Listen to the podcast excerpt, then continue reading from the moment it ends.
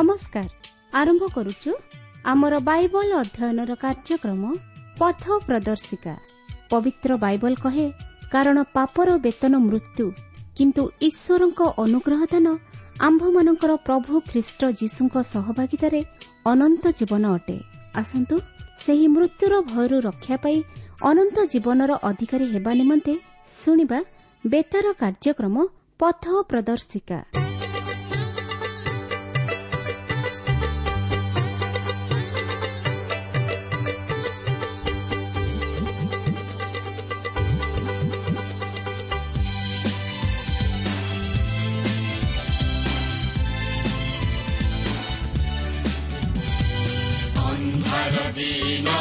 ସେ ପାଖେଇ ଅନୁଗ୍ରହ ଦିନର ସୁଯୋଗ ନେଇ ଖୋଲା ଦ୍ୱାର ଆଗରୁ ଆଗେକେ ଯିବ ଭଗ୍ନ ହୃଦୟ ନେଇ ଖୋଲା ଦ୍ୱାର ଆଗରୁ ଆଗେକେ ଯିବ ଭଗ୍ନ ହୃଦୟ ନେଇ ଦିନ ଏବେ ଯାଏ ମନ୍ଦ ହୋଇ କର ଉପଯୋଗ ସମୟ ଭାଇ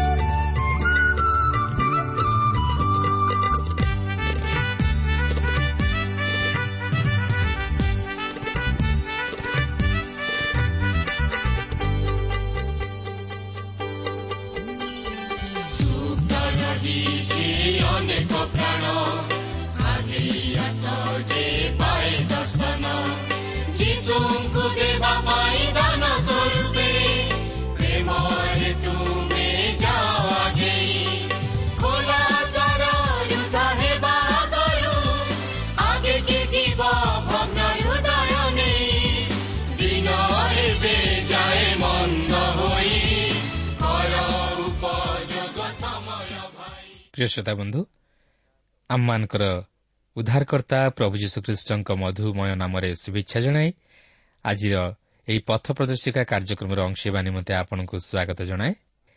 ଆପଣ ଏହି କାର୍ଯ୍ୟକ୍ରମର ଜଣେ ନିୟମିତ ଶ୍ରୋତା ଜାଣି ଆମେ ବିଶେଷ ଖୁସି ପ୍ରଭୁଙ୍କ ନାମକୁ ଧନ୍ୟବାଦ ଦେଉ। କେବଳ ସେତିକି ନୁହେଁ ଆପଣଙ୍କର ପ୍ରାର୍ଥନାର ଅନୁରୋଧ ରକ୍ଷା କରି ଆମେ ମଧ୍ୟ ଆପଣଙ୍କ ନିମନ୍ତେ ପ୍ରାର୍ଥନା କରୁଅଛୁ। ଆଉ ପ୍ରଭୁ ଆପଣଙ୍କର ସେହି ପାରିବାରିକ ସମସ୍ୟା ସମାଧାନ କରିବେ। କିନ୍ତୁ ଆମର ଅନୁରୋଧ ଆପଣ ଏହି କାର୍ଯ୍ୟକ୍ରମ ନିୟମିତ ଶୁଣନ୍ତୁ ଓ ଏହି କାର୍ଯ୍ୟକ୍ରମ ଶୁଣିବା ଦ୍ୱାରା ଆପଣ ଆତ୍ମିକ ଜୀବନରେ କେଉଁପରି ଭାବରେ ଉପକୃତ ହୋଇପାରିଛନ୍ତି ଏବଂ ଆପଣଙ୍କ ଜୀବନରେ ଆପଣ କେଉଁପରି ଭାବରେ ପ୍ରଭୁଙ୍କଠାରୁ ସାହାଯ୍ୟ ଏବଂ ଆଶୀର୍ବାଦ ପାଇପାରିଛନ୍ତି ସେହି ଅନୁଭୂତି ପତ୍ର ମାଧ୍ୟମରେ ଆମ ନିକଟକୁ ଲେଖି ଜଣାଇବା ନିମନ୍ତେ ଅନୁରୋଧ। ଆସନ୍ତୁ ତାହେଲେ ପ୍ରଭୁଙ୍କର ବାକ୍ୟ ମଧ୍ୟକୁ ଯିବା ପୂର୍ବରୁ ସଂକ୍ଷେପରେ ପ୍ରାର୍ଥନା କରିବା। ପବିତ୍ର ପ୍ରଭୁ ଧନ୍ୟବାଦ କରୁଅଛୁ ଏହି ସୁନ୍ଦର ସମୟ ପାଇଁ ସୁନ୍ଦର ସୁଯୋଗ ପାଇଁ ତୁମର ଜୀବନ୍ତ ବାକ୍ୟ ପାଇଁ। ପ୍ରଭୁ ତୁମର ବାକ୍ୟ ମଧ୍ୟ ଦେଇ ତୁମେ ଆଜି ଆମମାନଙ୍କ ସହିତ କଥା କୁହ। ତୁମର ଶାନ୍ତି ତୁମର ଆନନ୍ଦ ତୁମର ଶକ୍ତିରେ ଆମମାନଙ୍କୁ ପରିପୂର୍ଣ୍ଣ କରି ଏହି ଜଗତରେ ଏକ ବିଜୟୀ ଜୀବନ ଯାପନ କରିବା ପାଇଁ ଆମମାନଙ୍କୁ ଶକ୍ତି ଦିଅ। ଶୟତାନର ସମସ୍ତ ପରୀକ୍ଷା ପ୍ରଲୋଭନ ଉପରେ ତୁମେ ଆମମାନଙ୍କୁ ଏକ ବିଜୟୀ ଜୀବନ ଯାପନ କରିବା ପାଇଁ ଶକ୍ତି ଦିଅ। ତୁମର ଇଚ୍ଛା ତୁମର ଅଭିମତ ପ୍ରଭୁ ତୁମେ ଆମମାନଙ୍କ ଜୀବନରେ ସଫଳ କର। ପ୍ରତ୍ୟେକ ଶ୍ରୋତାବନ୍ଧୁମାନଙ୍କୁ ତୁମର ଆଶୀର୍ବାଦର ବାହୁଛା ତଳେ ଆବରି ରଖ।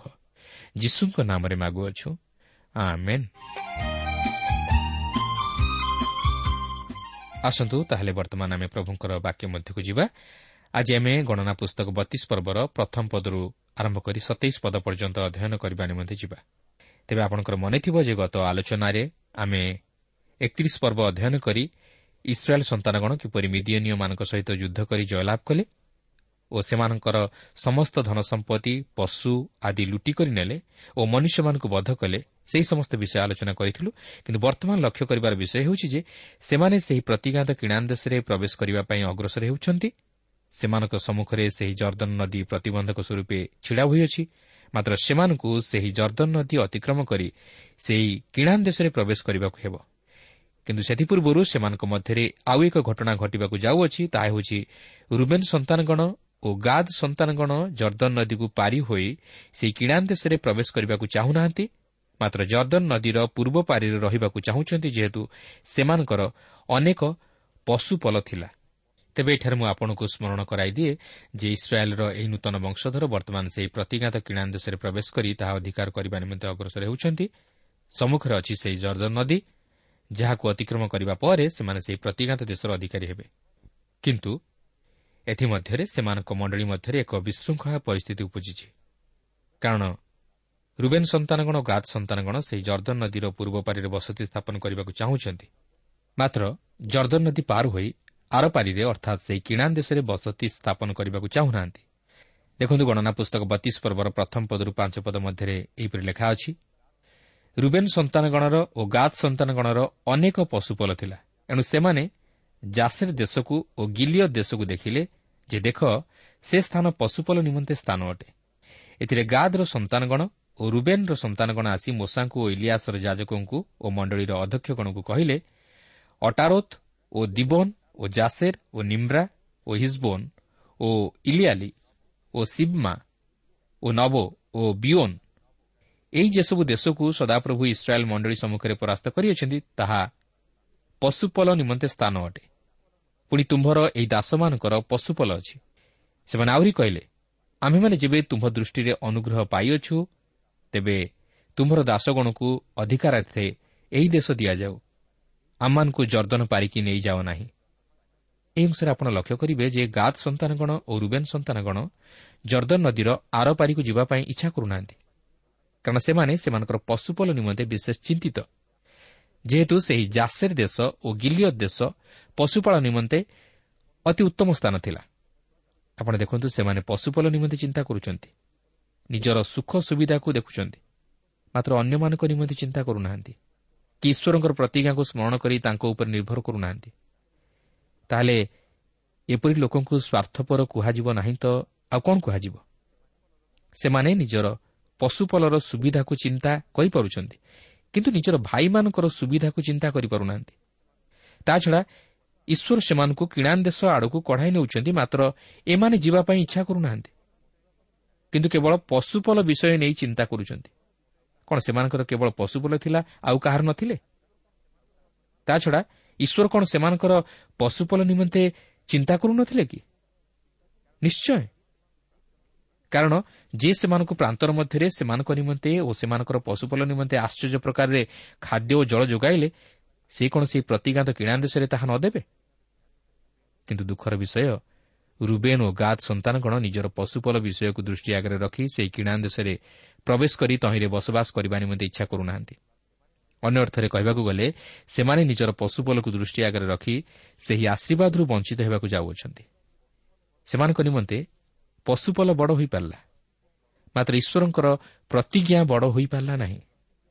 ମୁଁ ଭାବୁଛି ଯଦି ସେମାନେ ଈଶ୍ୱରଙ୍କର ସେହି ପ୍ରତିଜ୍ଞାକୁ ସ୍ମରଣ କରି ତାହାଙ୍କ ଉପରେ ନିର୍ଭର କରିଥାନ୍ତେ ତାହେଲେ ସେମାନେ କେବେ ହେଲେ ଏପରି କହିନଥାନ୍ତେ କି ନିଜର ସ୍ୱାର୍ଥକୁ କେବଳ ଦେଖିନଥାନ୍ତେ ପ୍ରିୟ ବନ୍ଧୁ ସେଦିନ ସେହି ଇସ୍ରାଏଲ୍ ସନ୍ତାନଗଣ ପରି ଆପଣଙ୍କର ପଶୁପଲ ଭିତ ନଥାଇପାରେ କିଏ ବା ଥାଇପାରେ ହୋଇପାରେ ସେହି ପଶୁପଲ ବଦଳରେ ଆପଣଙ୍କର ଅନେକ କ୍ଷେତ ଥାଇପାରେ। ବା ଧନ ସମ୍ପତ୍ତି କିମ୍ବା ଟଙ୍କା ପଇସା ଥାଇପାରେ। କିନ୍ତୁ ସେହିସବୁ ବିଷୟକୁ ଯଦି ଆପଣ ଆପଣଙ୍କ ଜୀବନରେ ସର୍ବଶ୍ରେଷ୍ଠ ସ୍ଥାନ ଦେଇ ଈଶ୍ୱରଙ୍କଠାରୁ ଦୂରବର୍ତ୍ତୀ ଜୀବନ କାଟୁଥାନ୍ତି ତାହେଲେ ଆପଣ ହୁଏତ ସେହି ଜାଗତିକ ସୁଖ ଭୋଗ କରିପାରନ୍ତି ମାତ୍ର ଆପଣ ସେହି ସ୍ୱର୍ଗୀୟ ସୁଖ ଓ ଆଶୀର୍ବାଦକୁ ଆପଣଙ୍କ ଜୀବନରେ ହରାଇବେ। କାରଣ ଏହି ଜଗତର ବିଷୟ କେବଳ ଜଗତରେ ହିଁ ପଡ଼ି ରହିବ ମାତ୍ର ଆପଣଙ୍କୁ ଜଗତ ଛାଡ଼ିବାକୁ ହେବ। ତାହେଲେ ସେତେବେଳେ ଆପଣଙ୍କ ସହିତ କ'ଣ ଯିବ? କିଛି ଯିବ ନାହିଁ। କିନ୍ତୁ ଯଦି ଆପଣ ଈଶ୍ୱରଙ୍କ ସହିତ ସଂଯୁକ୍ତ ଜୀବନଯାପନ କରିଥିବେ ତାହେଲେ ଈଶ୍ୱରଙ୍କ ଆଶୀର୍ବାଦ ହିଁ ଆପଣଙ୍କ ସହିତ ଥିବ। ଯଦ୍ୱାରା ଆପଣ ଆପଣଙ୍କର ଶାରୀରିକ ମୃତ୍ୟୁ ପରେ ମଧ୍ୟ ସେହି ସ୍ୱର୍ଗୀୟ ସୁଖ ଓ ଶାନ୍ତି ମଧ୍ୟରେ ପ୍ରବେଶ କରି ସେହି ସ୍ୱର୍ଗୀୟ ବିଭବର ଭାଗି ହେବେ। କାରଣ ଆପଣଙ୍କ ଶରୀର ଯଦିଓ ମାଟିରେ ଲୀନ ହୁଏ ମାତ୍ର ଆପଣଙ୍କର ଆତ୍ମା ଆତ୍ମାଦାଦାଙ୍କ ନିକଟକୁ ଫେରିଯାଇ ବିଶ୍ରାମ ପାଏ। ତେଣୁ ସଦାସର୍ବଦା ନିଜର ପଶୁପଲ ପ୍ରତି ବା ନିଜର ଜମିବାଡ଼ି ପ୍ରତି କିମ୍ବା ନିଜର ଧନ ସମ୍ପତ୍ତି ଓ ତାହାର ସୁରକ୍ଷା ପ୍ରତି ଦୃଷ୍ଟି ଦିଅନ୍ତୁ ନାହିଁ ମାତ୍ର ଈଶ୍ୱରଙ୍କ ପ୍ରତି ଦୃଷ୍ଟି ରଖନ୍ତୁ ଓ ତାହାଙ୍କର ଇଚ୍ଛା ଓ ଅଭିମତକୁ ନିଜ ଜୀବନରେ ବୁଝିବା ନିମନ୍ତେ ଓ ସଫଳ କରିବାକୁ ଚେଷ୍ଟା କରନ୍ତୁ। ଓ ସେ ତାଙ୍କର ବାକ୍ୟ ଅନୁଯାୟୀ ଆମମାନଙ୍କ ପ୍ରତି ଯେଉଁ ପ୍ରତିଜ୍ଞା କରିଅଛନ୍ତି ତାହା ସ୍ମରଣ କରି ତାହାଙ୍କ ଉପରେ ନିର୍ଭର ରଖନ୍ତୁ। ତାହେଲେ ଆପଣଙ୍କ ଜୀବନ ଈଶ୍ୱରଙ୍କ ଆଶୀର୍ବାଦରେ ପରିପୂର୍ଣ୍ଣ ହେବ। ଯାହାକି ଆପଣଙ୍କର କଳ୍ପନାର ବାହାରେ। ତେବେ ଏଠାରେ ଲକ୍ଷ୍ୟ କରିବାର ବିଷୟ ହେଉଛି ଯେ ଇସ୍ରାଏଲ୍ର ଦ୍ୱାଦଶ ଗୋଷ୍ଠୀ ମଧ୍ୟରୁ ସେହି ଗାଦ ଓ ରୁବେନ୍ ସନ୍ତାନଗଣ ଯେତେବେଳେ ନିଜର ପଶୁପଲକୁ ଦୃଷ୍ଟି ଆଗରେ ରଖି ସେହି ଜର୍ଦ୍ଦନ ନଦୀର ପୂର୍ବ ପାରିରେ ବସତି ସ୍ଥାପନ କରିବା ନିମନ୍ତେ ମୋସାଙ୍କୁ ଇଲିଆସର ଯାଜକ ଓ ମଣ୍ଡଳୀର ଅଧ୍ୟକ୍ଷଗଣକୁ ଆସି କହୁଛନ୍ତି ସେତେବେଳେ ମୋସା ସେମାନଙ୍କୁ କି ଉତ୍ତର ଦେଉଛନ୍ତି ଆସନ୍ତୁ ଦେଖିବା। ଗଣନା ବତିଶ ପର୍ବର ଛଅ ପଦରୁ ଆଠ ପଦ ମଧ୍ୟରେ ଲେଖା ଅଛି ଏଥିରେ ମୋସା ଗାଦର ସନ୍ତାନଗଣକୁ ଓ ରୁବେନ୍ର ସନ୍ତାନଗଣକୁ କହିଲେ ତୁମାନଙ୍କର ଭାଇମାନେ ଯୁଦ୍ଧ କରିବାକୁ ଯିବେ। ଆଉ ତୁମମାନେ କି ଏଠାରେ ବସି ରହିବ? ସଦାପ୍ରଭୁ ଇସ୍ରାଏଲ୍ ସନ୍ତାନଗଣକୁ ଯେଉଁ ଦେଶ ଦେଇଅଛନ୍ତି ପାର ହୋଇ ସେହି ଦେଶକୁ ଯିବା ପାଇଁ କିଏ ତୁ ସେମାନଙ୍କ ମନକୁ ସାହସହୀନ କରୁଅଛ? ମୁଁ ତୁମର ପିତୃଲୋକମାନଙ୍କୁ କାଦେଶ ବନ୍ୟଠାରୁ ସେହି ଦେଶ ଦେଖିବାକୁ ପଠାଇବା ବେଳେ ସେମାନେ ଏହି ରୂପେ କରିଥିଲେ। ଦେଖନ୍ତୁ ମୂଷା ସେମାନଙ୍କୁ କିପରି ଭାବରେ ଅନୁଯୋଗ କରୁଅଛନ୍ତି। ପ୍ରକୃତରେ ସେମାନଙ୍କର ଏହି ପ୍ରକାର ଚିନ୍ତାଧାରା ଈଶ୍ୱରଙ୍କ ଦୃଷ୍ଟିରେ ଗ୍ରହଣଯୋଗ୍ୟ ନଥିଲା। ସେମାନେ କେବଳ ନିଜ ବିଷୟରେ ଚିନ୍ତା କରୁଥିଲେ କିନ୍ତୁ ନିଜର ଭାଇମାନଙ୍କ ବିଷୟରେ ଚିନ୍ତା କରୁନଥିଲେ କି ଈଶ୍ୱରଙ୍କ ପ୍ରତିଜ୍ଞା ଉପରେ ନିର୍ଭର ରଖିପାରି ନଥିଲେ। ଆଉ ଯଦି ସେପରି ହୋଇଥାନ୍ତା ତାହେଲେ ସେମାନେ ଏହିପରି କେବେ ହେଲେ କହିନଥାନ୍ତେ ଏଠାରେ ଆଉ ଏକ ବିଷୟ ଆପଣ ଲକ୍ଷ୍ୟ କରିବେ ଯେ ମୂଷା ସେମାନଙ୍କୁ ସେମାନଙ୍କ ପିତୃପୁରୁଷମାନଙ୍କର କାର୍ଯ୍ୟକଳାପକୁ ସ୍ମରଣ କରାଇ ଦିଅନ୍ତି। ଓ ସେ ଏହି ପ୍ରକାର ବିଷୟ ନେଇ ନିଜେ ମଧ୍ୟ ଭୟ କରୁଅଛନ୍ତି ଯେ କାଳେ ଏହି ନୂତନ ବଂଶଧର ସେହିପରି କାର୍ଯ୍ୟ କରି ସେହି ଆଶୀର୍ବାଦରୁ ବଞ୍ଚିତ ହୋଇ ପୁନର୍ବାର ପ୍ରାନ୍ତର ମଧ୍ୟରେ ଭ୍ରମଣ କରିବେ କି ତେଣୁକରି ସେ ସେମାନଙ୍କୁ ସ୍ମରଣ କରାଇ ଦିଅନ୍ତି ଯେ ତୁମମାନଙ୍କର ପିତୃପୁରୁଷମାନଙ୍କୁ ମୁଁ ଯେତେବେଳେ ସେହି କାଦେଶ ବନ୍ୟଠାରୁ ସେହି କିଣା ଦେଶକୁ ପଠାଇଲି ସେତେବେଳେ ସେମାନେ ମଧ୍ୟ ସେମାନଙ୍କର ଏ ପ୍ରକାର ଅବିଶ୍ୱାସ ତଥା ଭୟ ହେତୁ ସେମାନେ ସେହି କିଣା ଦେଶରେ ପ୍ରବେଶ କରିବା ପରିବର୍ତ୍ତେ ପ୍ରାନ୍ତର ମଧ୍ୟରେ ଚାଳିଶ ବର୍ଷ ପର୍ଯ୍ୟନ୍ତ ଭ୍ରମଣ କରି ସେହି ପ୍ରାନ୍ତର ମଧ୍ୟରେ ମଲେ। ମାତ୍ର କିଣା ଦେଶରେ ପ୍ରବେଶ କରିପାରିଲେ ନାହିଁ। ଆଉ ବର୍ତ୍ତମାନ ତୁମେମାନେ ସେହିପରି ଅନିଚ୍ଛା ପ୍ରକାଶ କରିବା ଦ୍ୱାରା କ'ଣ ସେହିପରି ଦଣ୍ଡଭୋଗ କରିବାକୁ ଚାହୁଁଛ କି? ବାସ୍ତବରେ ମୂଷା ଭୟ ପାଇଯାଇଥିଲେ କାରଣ ଦୀର୍ଘ ଚାଳିଶ ବର୍ଷର ପ୍ରାନ୍ତର ଭ୍ରମଣର ଅନୁଭୂତି ତାଙ୍କ ପକ୍ଷରେ ଏତେ ଦୂର ଅସହ୍ୟ ଥିଲା ଯେ ସେ ଆଉ ଚାହୁଁନାହାନ୍ତି ଏହି ନୂତନ ବଂଶଧର ସେହି ପ୍ରକାର ଦୟନୀୟ ଅବସ୍ଥାର ସମ୍ମୁଖୀନ ହୁଅନ୍ତୁ ବୋଲି। ତେଣୁକରି ସେ ସେମାନଙ୍କୁ ସେହି ଅତୀତର ପ୍ରାନ୍ତର ଭ୍ରମଣର ଦୟନୀୟ ଅନୁଭୂତିକୁ ସ୍ମରଣ କରାଇଦେବା ନିମନ୍ତେ ଏହିପରି କହନ୍ତି ଯାହାକି ବତିଶ ପର୍ବର ନଅ ପଦରୁ ତେର ପଦ ମଧ୍ୟରେ ଲେଖା ଅଛି। ତେବେ ମୂଷା କିପରି ଭାବେ ସେମାନଙ୍କୁ ସେମାନଙ୍କ ପିତୃପୁରୁଷଗଣର ବିଫଳତାକୁ ସ୍ମରଣ କରାଇ ଦିଅନ୍ତି ତାହା ଆମେ ଲକ୍ଷ୍ୟ କରିବାକୁ ପାରୁଛୁ। କାରଣ ଏହି ଯେଉଁ ବଂଶଧର ବର୍ତ୍ତମାନ ସେହି କିଣା ଦେଶରେ ପ୍ରବେଶ କରିବାକୁ ଯାଉଅଛନ୍ତି ଏମାନେ ଇସ୍ରାଏଲ୍ର ନୂତନ ବଂଶଧର ଯେଉଁମାନେ କି କୋଡ଼ିଏ ବର୍ଷରୁ ନ୍ୟୁନ ଥିଲେ ହୋଇପାରେ ଯେଉଁମାନେ ସେହି ସମୟରେ ଜନ୍ମ ହୋଇଥିଲେ ବା ଏପରିକି ହୋଇନଥିଲେ। ସେମାନେ ବର୍ତ୍ତମାନ ସେହି ଆଶୀର୍ବାଦର ଅଧିକାରୀ ହେବାକୁ ଯାଉଅଛନ୍ତି। ଓ ସେମାନଙ୍କ ମଧ୍ୟରେ ସେହି ପୁରାତନ ବଂଶ ମଧ୍ୟରୁ କେବଳ ନୁନର ପୁତ୍ର ଜିହସିଓ ଓ ଜିଫୁନ୍ର ପୁତ୍ର କାଲେବ ଅଛନ୍ତି। କାରଣ ଏମାନେ ସମ୍ପୂର୍ଣ୍ଣ ରୂପେ ଈଶ୍ୱରଙ୍କର ଅନୁଗତ ହୋଇ ସେହି କିଣା ଦେଶକୁ ପ୍ରଦକ୍ଷିଣ କରି ଏକ ନିର୍ଭରଯୋଗ୍ୟ ତଥା ବିଶ୍ୱାସଯୋଗ୍ୟ ବିବରଣୀ ଦେଇଥିଲେ। ଯେଉଁ ବିବରଣୀ ମଧ୍ୟରେ ସେମାନଙ୍କର ଈଶ୍ୱରଙ୍କ ଉପରେ ଗଭୀର ବିଶ୍ୱାସ ତଥା ନିର୍ଭରତା ପ୍ରକାଶ ପାଇଥିଲା ସେହି ଦେଶକୁ ଅଧିକାର କରିବା ପାଇଁ। ମାତ୍ର ଅନ୍ୟ ଦଶ ଜଣଙ୍କର ବିବରଣୀ ମଧ୍ୟରେ ଈଶ୍ୱରଙ୍କ ପ୍ରତି ବିଶ୍ୱାସ ତଥା ନିର୍ଭରତାର ଦୁର୍ବଳତା ଦେଖାଦେଇଥିଲା ଯଦ୍ୱାରା ସେମାନଙ୍କ ଲାଗି ସମଗ୍ର ଇସ୍ରାଏଲ୍ ମଣ୍ଡଳୀ ଭୟଭୀତ ହୋଇ ନିଜର ଅବିଶ୍ୱାସ ତଥା ଦୁର୍ବଳତା ହେତୁ ସେହି ଆଶୀର୍ବାଦରୁ ବଞ୍ଚିତ ହେଲେ। ଶେଷରେ ପ୍ରାନ୍ତର ମଧ୍ୟରେ ଚାଳିଶ ବର୍ଷ କାଳ ଭ୍ରମଣ କରି ସେହି ପ୍ରାନ୍ତର ମଧ୍ୟରେ ମଲେ।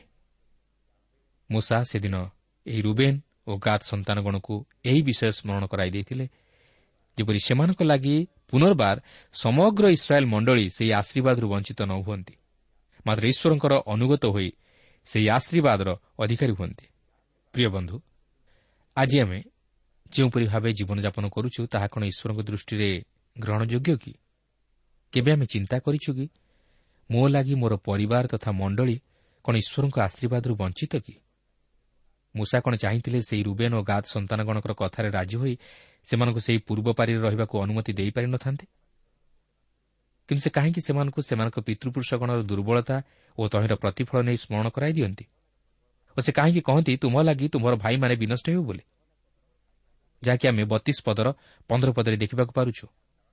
ଏହାର କାରଣ ହେଉଛି ଯେ ଆମେ ପାପ କଲେ କେବଳ ତହିଁର ପ୍ରତିଫଳ ଆମେ ଭୋଗ କରୁନା ମାତ୍ର ଆମ ସହିତ ଆମର ସନ୍ତାନ ସନ୍ତତି ତଥା ଆମର ପରବର୍ତ୍ତୀ ବଂଶଧର ମଧ୍ୟ ତହିଁର ପ୍ରତିଫଳ ଭୋଗ କରନ୍ତି। କାରଣ ସେ ତାଙ୍କର ବାକ୍ୟରେ କହନ୍ତି ଯେ ସେ ସେମାନଙ୍କର ଅପରାଧ ନିମନ୍ତେ ସେମାନଙ୍କ ତୃତୀୟ ଓ ଚତୁର୍ଥ ପୁରୁଷ ପର୍ଯ୍ୟନ୍ତ ସେମାନଙ୍କ ସନ୍ତାନଗଣ ଉପରେ ସେମାନଙ୍କର ଅପରାଧର ପ୍ରତିଫଳଦାତା ଈଶ୍ୱର।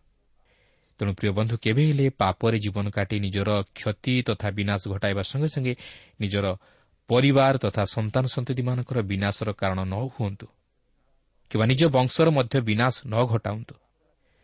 କାରଣ ଆପଣଙ୍କ ପାପ ଲାଗି ମଧ୍ୟ ଆପଣଙ୍କର ସନ୍ତାନ ସନ୍ତତି ବା ନାତି ନାତୁଣୀ ମଧ୍ୟ ତହିଁର ପ୍ରତିଫଳ ଭୋଗ କରିବେ। ତେଣୁ କେବେ ହେଲେ କୌଣସି ପାପ କରି ବା ଅପରାଧ କରି ଭାବନ୍ତୁ ନାହିଁ ଯେ ଆପଣ ତହିଁର ପ୍ରତିଫଳ ଭୋଗ ନ କରିବେ ବୋଲି।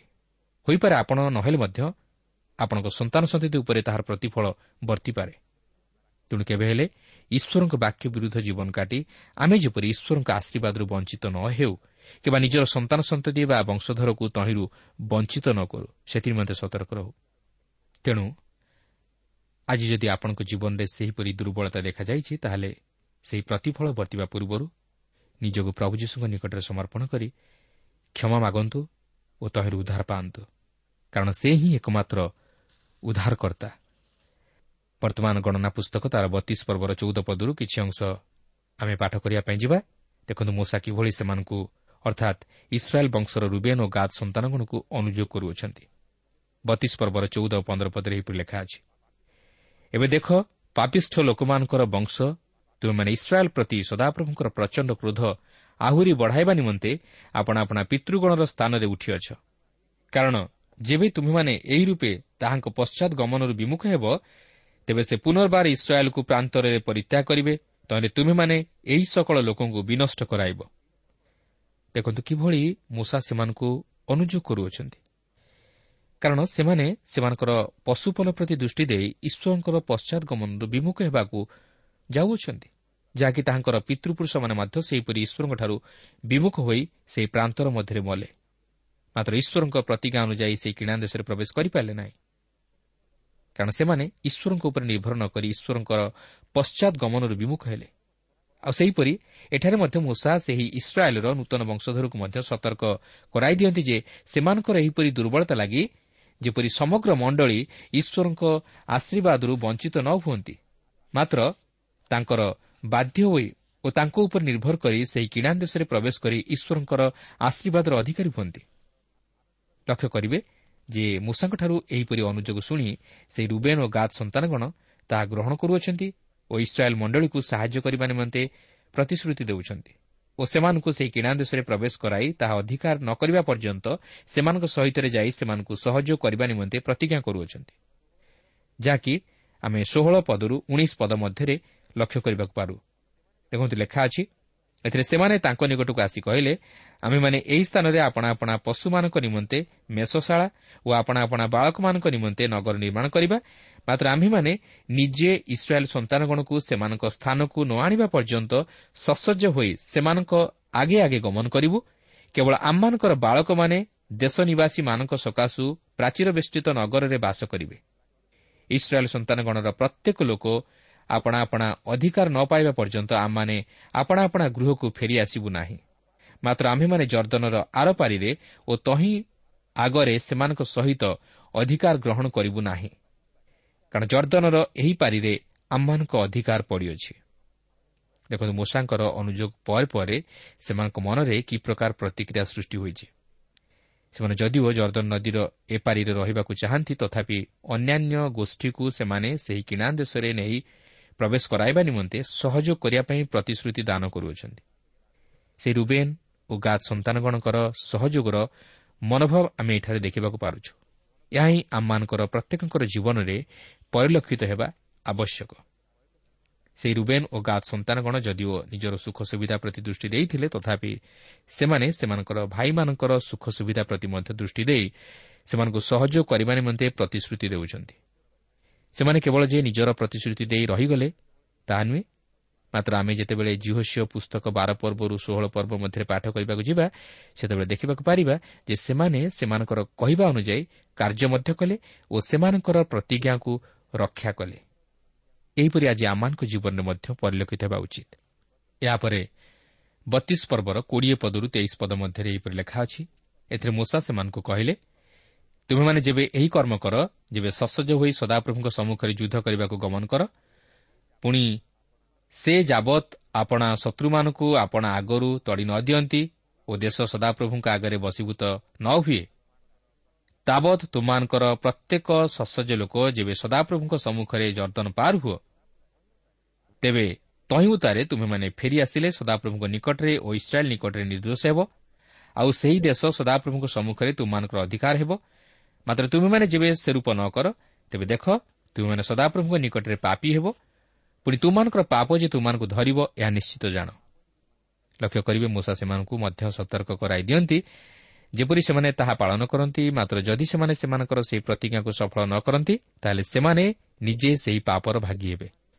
ତେଣୁକରି ମୂଷା କହନ୍ତି ଯଦି ତୁମେମାନେ ସେ ରୂପ ନ କର ତାହେଲେ ତୁମମାନଙ୍କର ପାପ ଯେ ତୁମମାନଙ୍କୁ ଧରିବ ଏହା ନିଶ୍ଚିତ ଜାଣ। ଅର୍ଥାତ୍ ତୁମେମାନେ ତୁମମାନଙ୍କର ପାପର ସମୁଚିତ ଫଳ ଭୋଗ କରିବ। ତୁମେମାନେ ଯେଉଁପରି ପାପ କରିବ ସେହିପରି ମଧ୍ୟ ତହିଁର ପ୍ରତିଫଳ ଭୋଗ କରିବ। ଅର୍ଥାତ୍ ତୁମମାନଙ୍କର ପାପ ହିଁ ତୁମମାନଙ୍କୁ ତହିଁର ପ୍ରତିଫଳ ସ୍ମରଣ କରାଇଦେବ। କାରଣ ଅନେକ ସମୟରେ ଆମେ ନିଜକୁ ନିଜେ କହୁ ଯେ ହଁ ମୁଁ ସେପରି ତା ପ୍ରତି କରିଥିଲି ବୋଲି ମୋ ପ୍ରତି ସେହିପରି ଘଟିଲା। ବା ମୁଁ ଯେପରି କରିଥିଲି ମୋ ପ୍ରତି ସେହିପରି ତହିଁର ପ୍ରତିଫଳ ମିଳିଲା।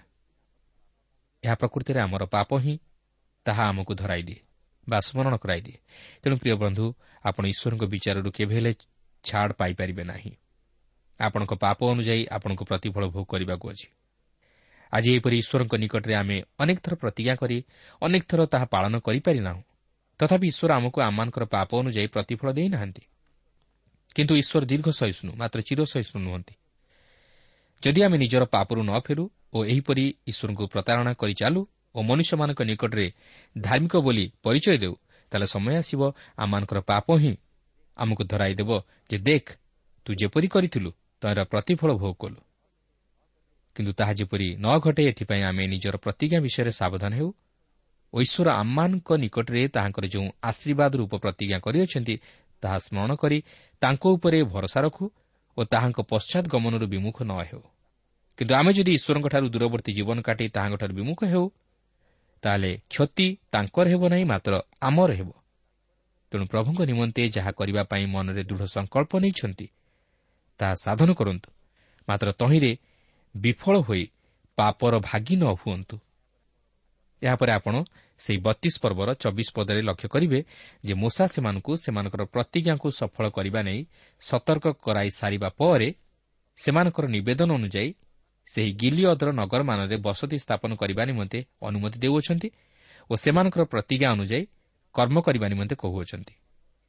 ଏହାପରେ ସେହି ବତିଶ ପର୍ବର ପଚିଶ ପଦରୁ ସତେଇଶ ପଦ ମଧ୍ୟରେ ରୁବେନ୍ ସନ୍ତାନଗଣ ଓ ଗାତ୍ ସନ୍ତାନଗଣ ମୂଷାଙ୍କର ଆଜ୍ଞା ଅନୁଯାୟୀ କାର୍ଯ୍ୟ କରିବେ ବୋଲି ସମର୍ଥନ ଜଣାଉଛନ୍ତି ଓ ସେହି ଗିଲିଅଦର ନଗରମାନଙ୍କରେ ସେମାନଙ୍କର ବାଳକ ସ୍ତ୍ରୀ ପଲ ଓ ପଶୁ ସକଳକୁ ଛାଡ଼ି ଯୁଦ୍ଧ କରିବାକୁ ଯିବେ ବୋଲି ସମ୍ମତି ଜଣାଉଛନ୍ତି।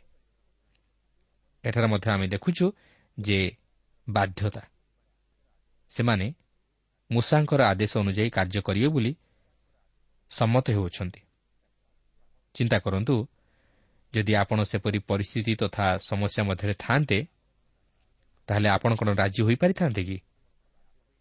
ଆପଣ କ'ଣ ବାଧ୍ୟ ହୋଇ ନିଜର ସମ୍ମତି ଜଣାଇଥାନ୍ତେ କି? ସହଜ ବିଷୟ ନୁହେଁ। ମୁଁ ଭାବୁନାହିଁ ଯେ ସମସ୍ତେ ସେହିପରି କରିପାରିଥାନ୍ତେ ବା କରିପାରିବେ ବୋଲି। ଆପଣ କ'ଣ ନିଜର ପିଲା ସ୍ତ୍ରୀ ଓ ଧନ ସମ୍ପତ୍ତି ତଥା ନିଜର ପଶୁପଲକୁ ଛାଡ଼ି ଯାଇପାରିବେ କି? ଏହା କଥାରେ କହିବା ଯେଡ଼େ ସହଜ କାମରେ କରିବା ସେତେ ସହଜ ନୁହେଁ। ତାଛଡ଼ା ଆପଣ ଦେଖିବେ ଯେ ସେମାନେ ନିଜର ସ୍ତ୍ରୀ ପିଲା ତଥା ଗୃହର ସମସ୍ତ ଦାୟିତ୍ୱକୁ ଛାଡ଼ି ଏକ ଅନିଶ୍ଚିତ କାଳ ନିମନ୍ତେ ଯୁଦ୍ଧ କରିବାକୁ ଯାଉଅଛନ୍ତି। ସେମାନେ କେବେ ଫେରିବେ ବା ନ ଫେରିବେ ତାହାର କିଛି ସ୍ଥିରତା ନାହିଁ। କାରଣ ସେମାନେ ଯୁଦ୍ଧ କରିବା ପାଇଁ ଯାଉଅଛନ୍ତି। କିନ୍ତୁ ଆମେ ଦେଖୁଛୁ ଯେ ସେମାନଙ୍କର ବାଧ୍ୟତା। ଯଦିଓ ସେମାନେ ସେହି କିଣା ଦେଶରେ ରହିବାକୁ ଯାଉନାହାନ୍ତି ମାତ୍ର ସେମାନଙ୍କ ଭାଇମାନଙ୍କ ନିମନ୍ତେ ସେମାନେ ଯୁଦ୍ଧ କରିବାକୁ ଯାଉଅଛନ୍ତି। କିନ୍ତୁ ଆମେ ଯଦି ସେମାନଙ୍କ ଜୀବନକୁ ଲକ୍ଷ୍ୟ କରୁ ତାହେଲେ ଦେଖୁ ଯେ ଯଦିଓ ସେହି ରୁବେନ୍ ଓ ଗାତ୍ ସନ୍ତାନଗଣ ସେମାନଙ୍କ ପିଲା ସ୍ତ୍ରୀ ତଥା ପଶୁପଲ ନିମନ୍ତେ ବିଶେଷ ଚିନ୍ତିତ ଥିଲେ ମାତ୍ର ସେମାନେ ସେହିସବୁକୁ ଛାଡ଼ି ଭାଇମାନଙ୍କ ନିମନ୍ତେ ଯୁଦ୍ଧ କରିବାକୁ ବାହାରି ଯାଉଛନ୍ତି ଯେପରି ସେମାନଙ୍କର ଅନ୍ୟ ଭାଇମାନେ ସେହି କିଣା ଦେଶରେ ପ୍ରବେଶ କରି ତାହା ଅଧିକାର କରି ତହିଁର ଫଳ ଭୋଗ କରନ୍ତି। ପ୍ରିୟ ବନ୍ଧୁ ଠିକ୍ ସେହିପରି ଏହି ଜଗତ ମଧ୍ୟରେ ଯେତେବେଳେ ଆମେ ଅଛୁ ଏହି ଜଗତରେ ବଞ୍ଚି ରହିବା ପାଇଁ ଆମକୁ କର୍ତ୍ତବ୍ୟ କରିବାକୁ ପଡ଼ିବ। ଏହି ଜଗତରେ ନିଜର ସ୍ତ୍ରୀ ପିଲା ତଥା ଗୃହର ସମସ୍ତ ଦାୟିତ୍ୱ ତଥା ସେହି ସମସ୍ତର ସୁରକ୍ଷା ପ୍ରତି ଦୃଷ୍ଟି ଦେବାକୁ ପଡ଼ିବ।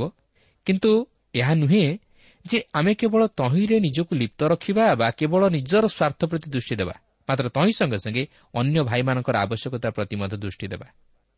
ଯଦି ଏହାକୁ ଆତ୍ମିକ ଦୃଷ୍ଟିକୋଣରୁ ନେଇ ଆମେ ଚିନ୍ତା କରିବା ତାହେଲେ ଆମେ କେବଳ ଜଗତ ମଧ୍ୟରେ ନିଜକୁ ହଜେଇ ନ ଦେଇ ବା ଲିପ୍ତ ନ ରଖି ଈଶ୍ୱରଙ୍କର ସେହି ରାଜ୍ୟ ନିମନ୍ତେ ଚିନ୍ତିତ ହେବା।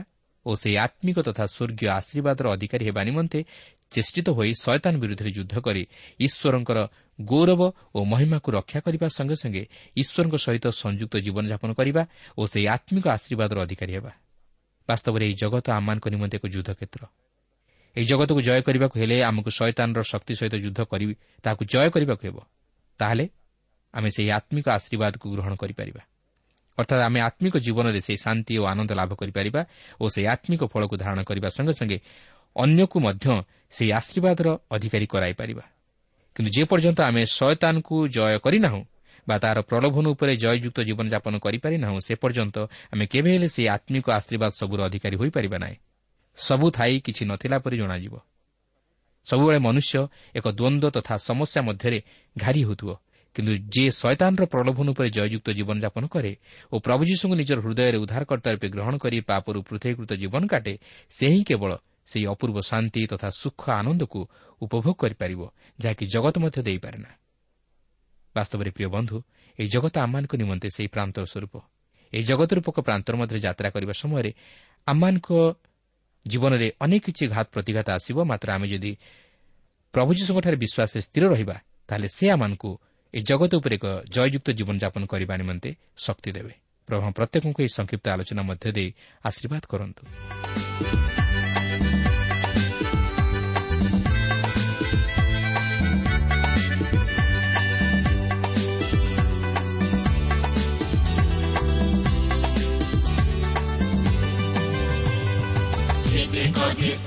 ଏହି ଜଗତେ ଆଜି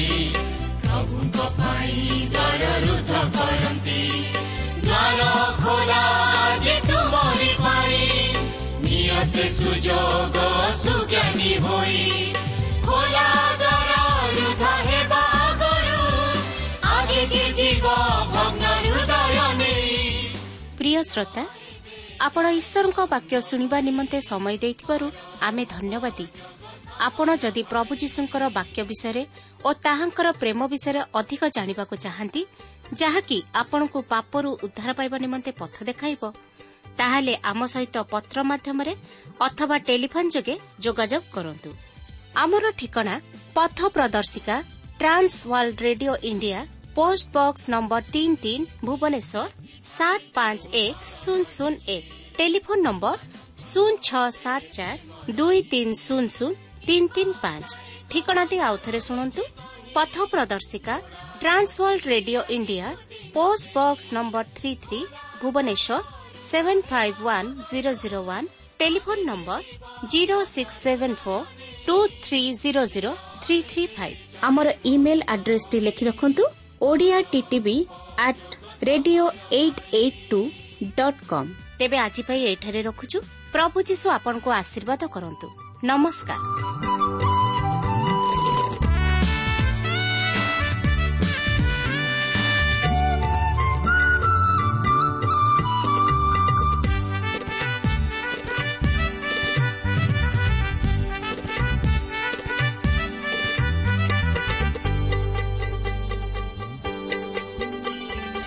ଆଗାମୀ ଦିନରେ କର୍ତ୍ତବ୍ୟ ଆମ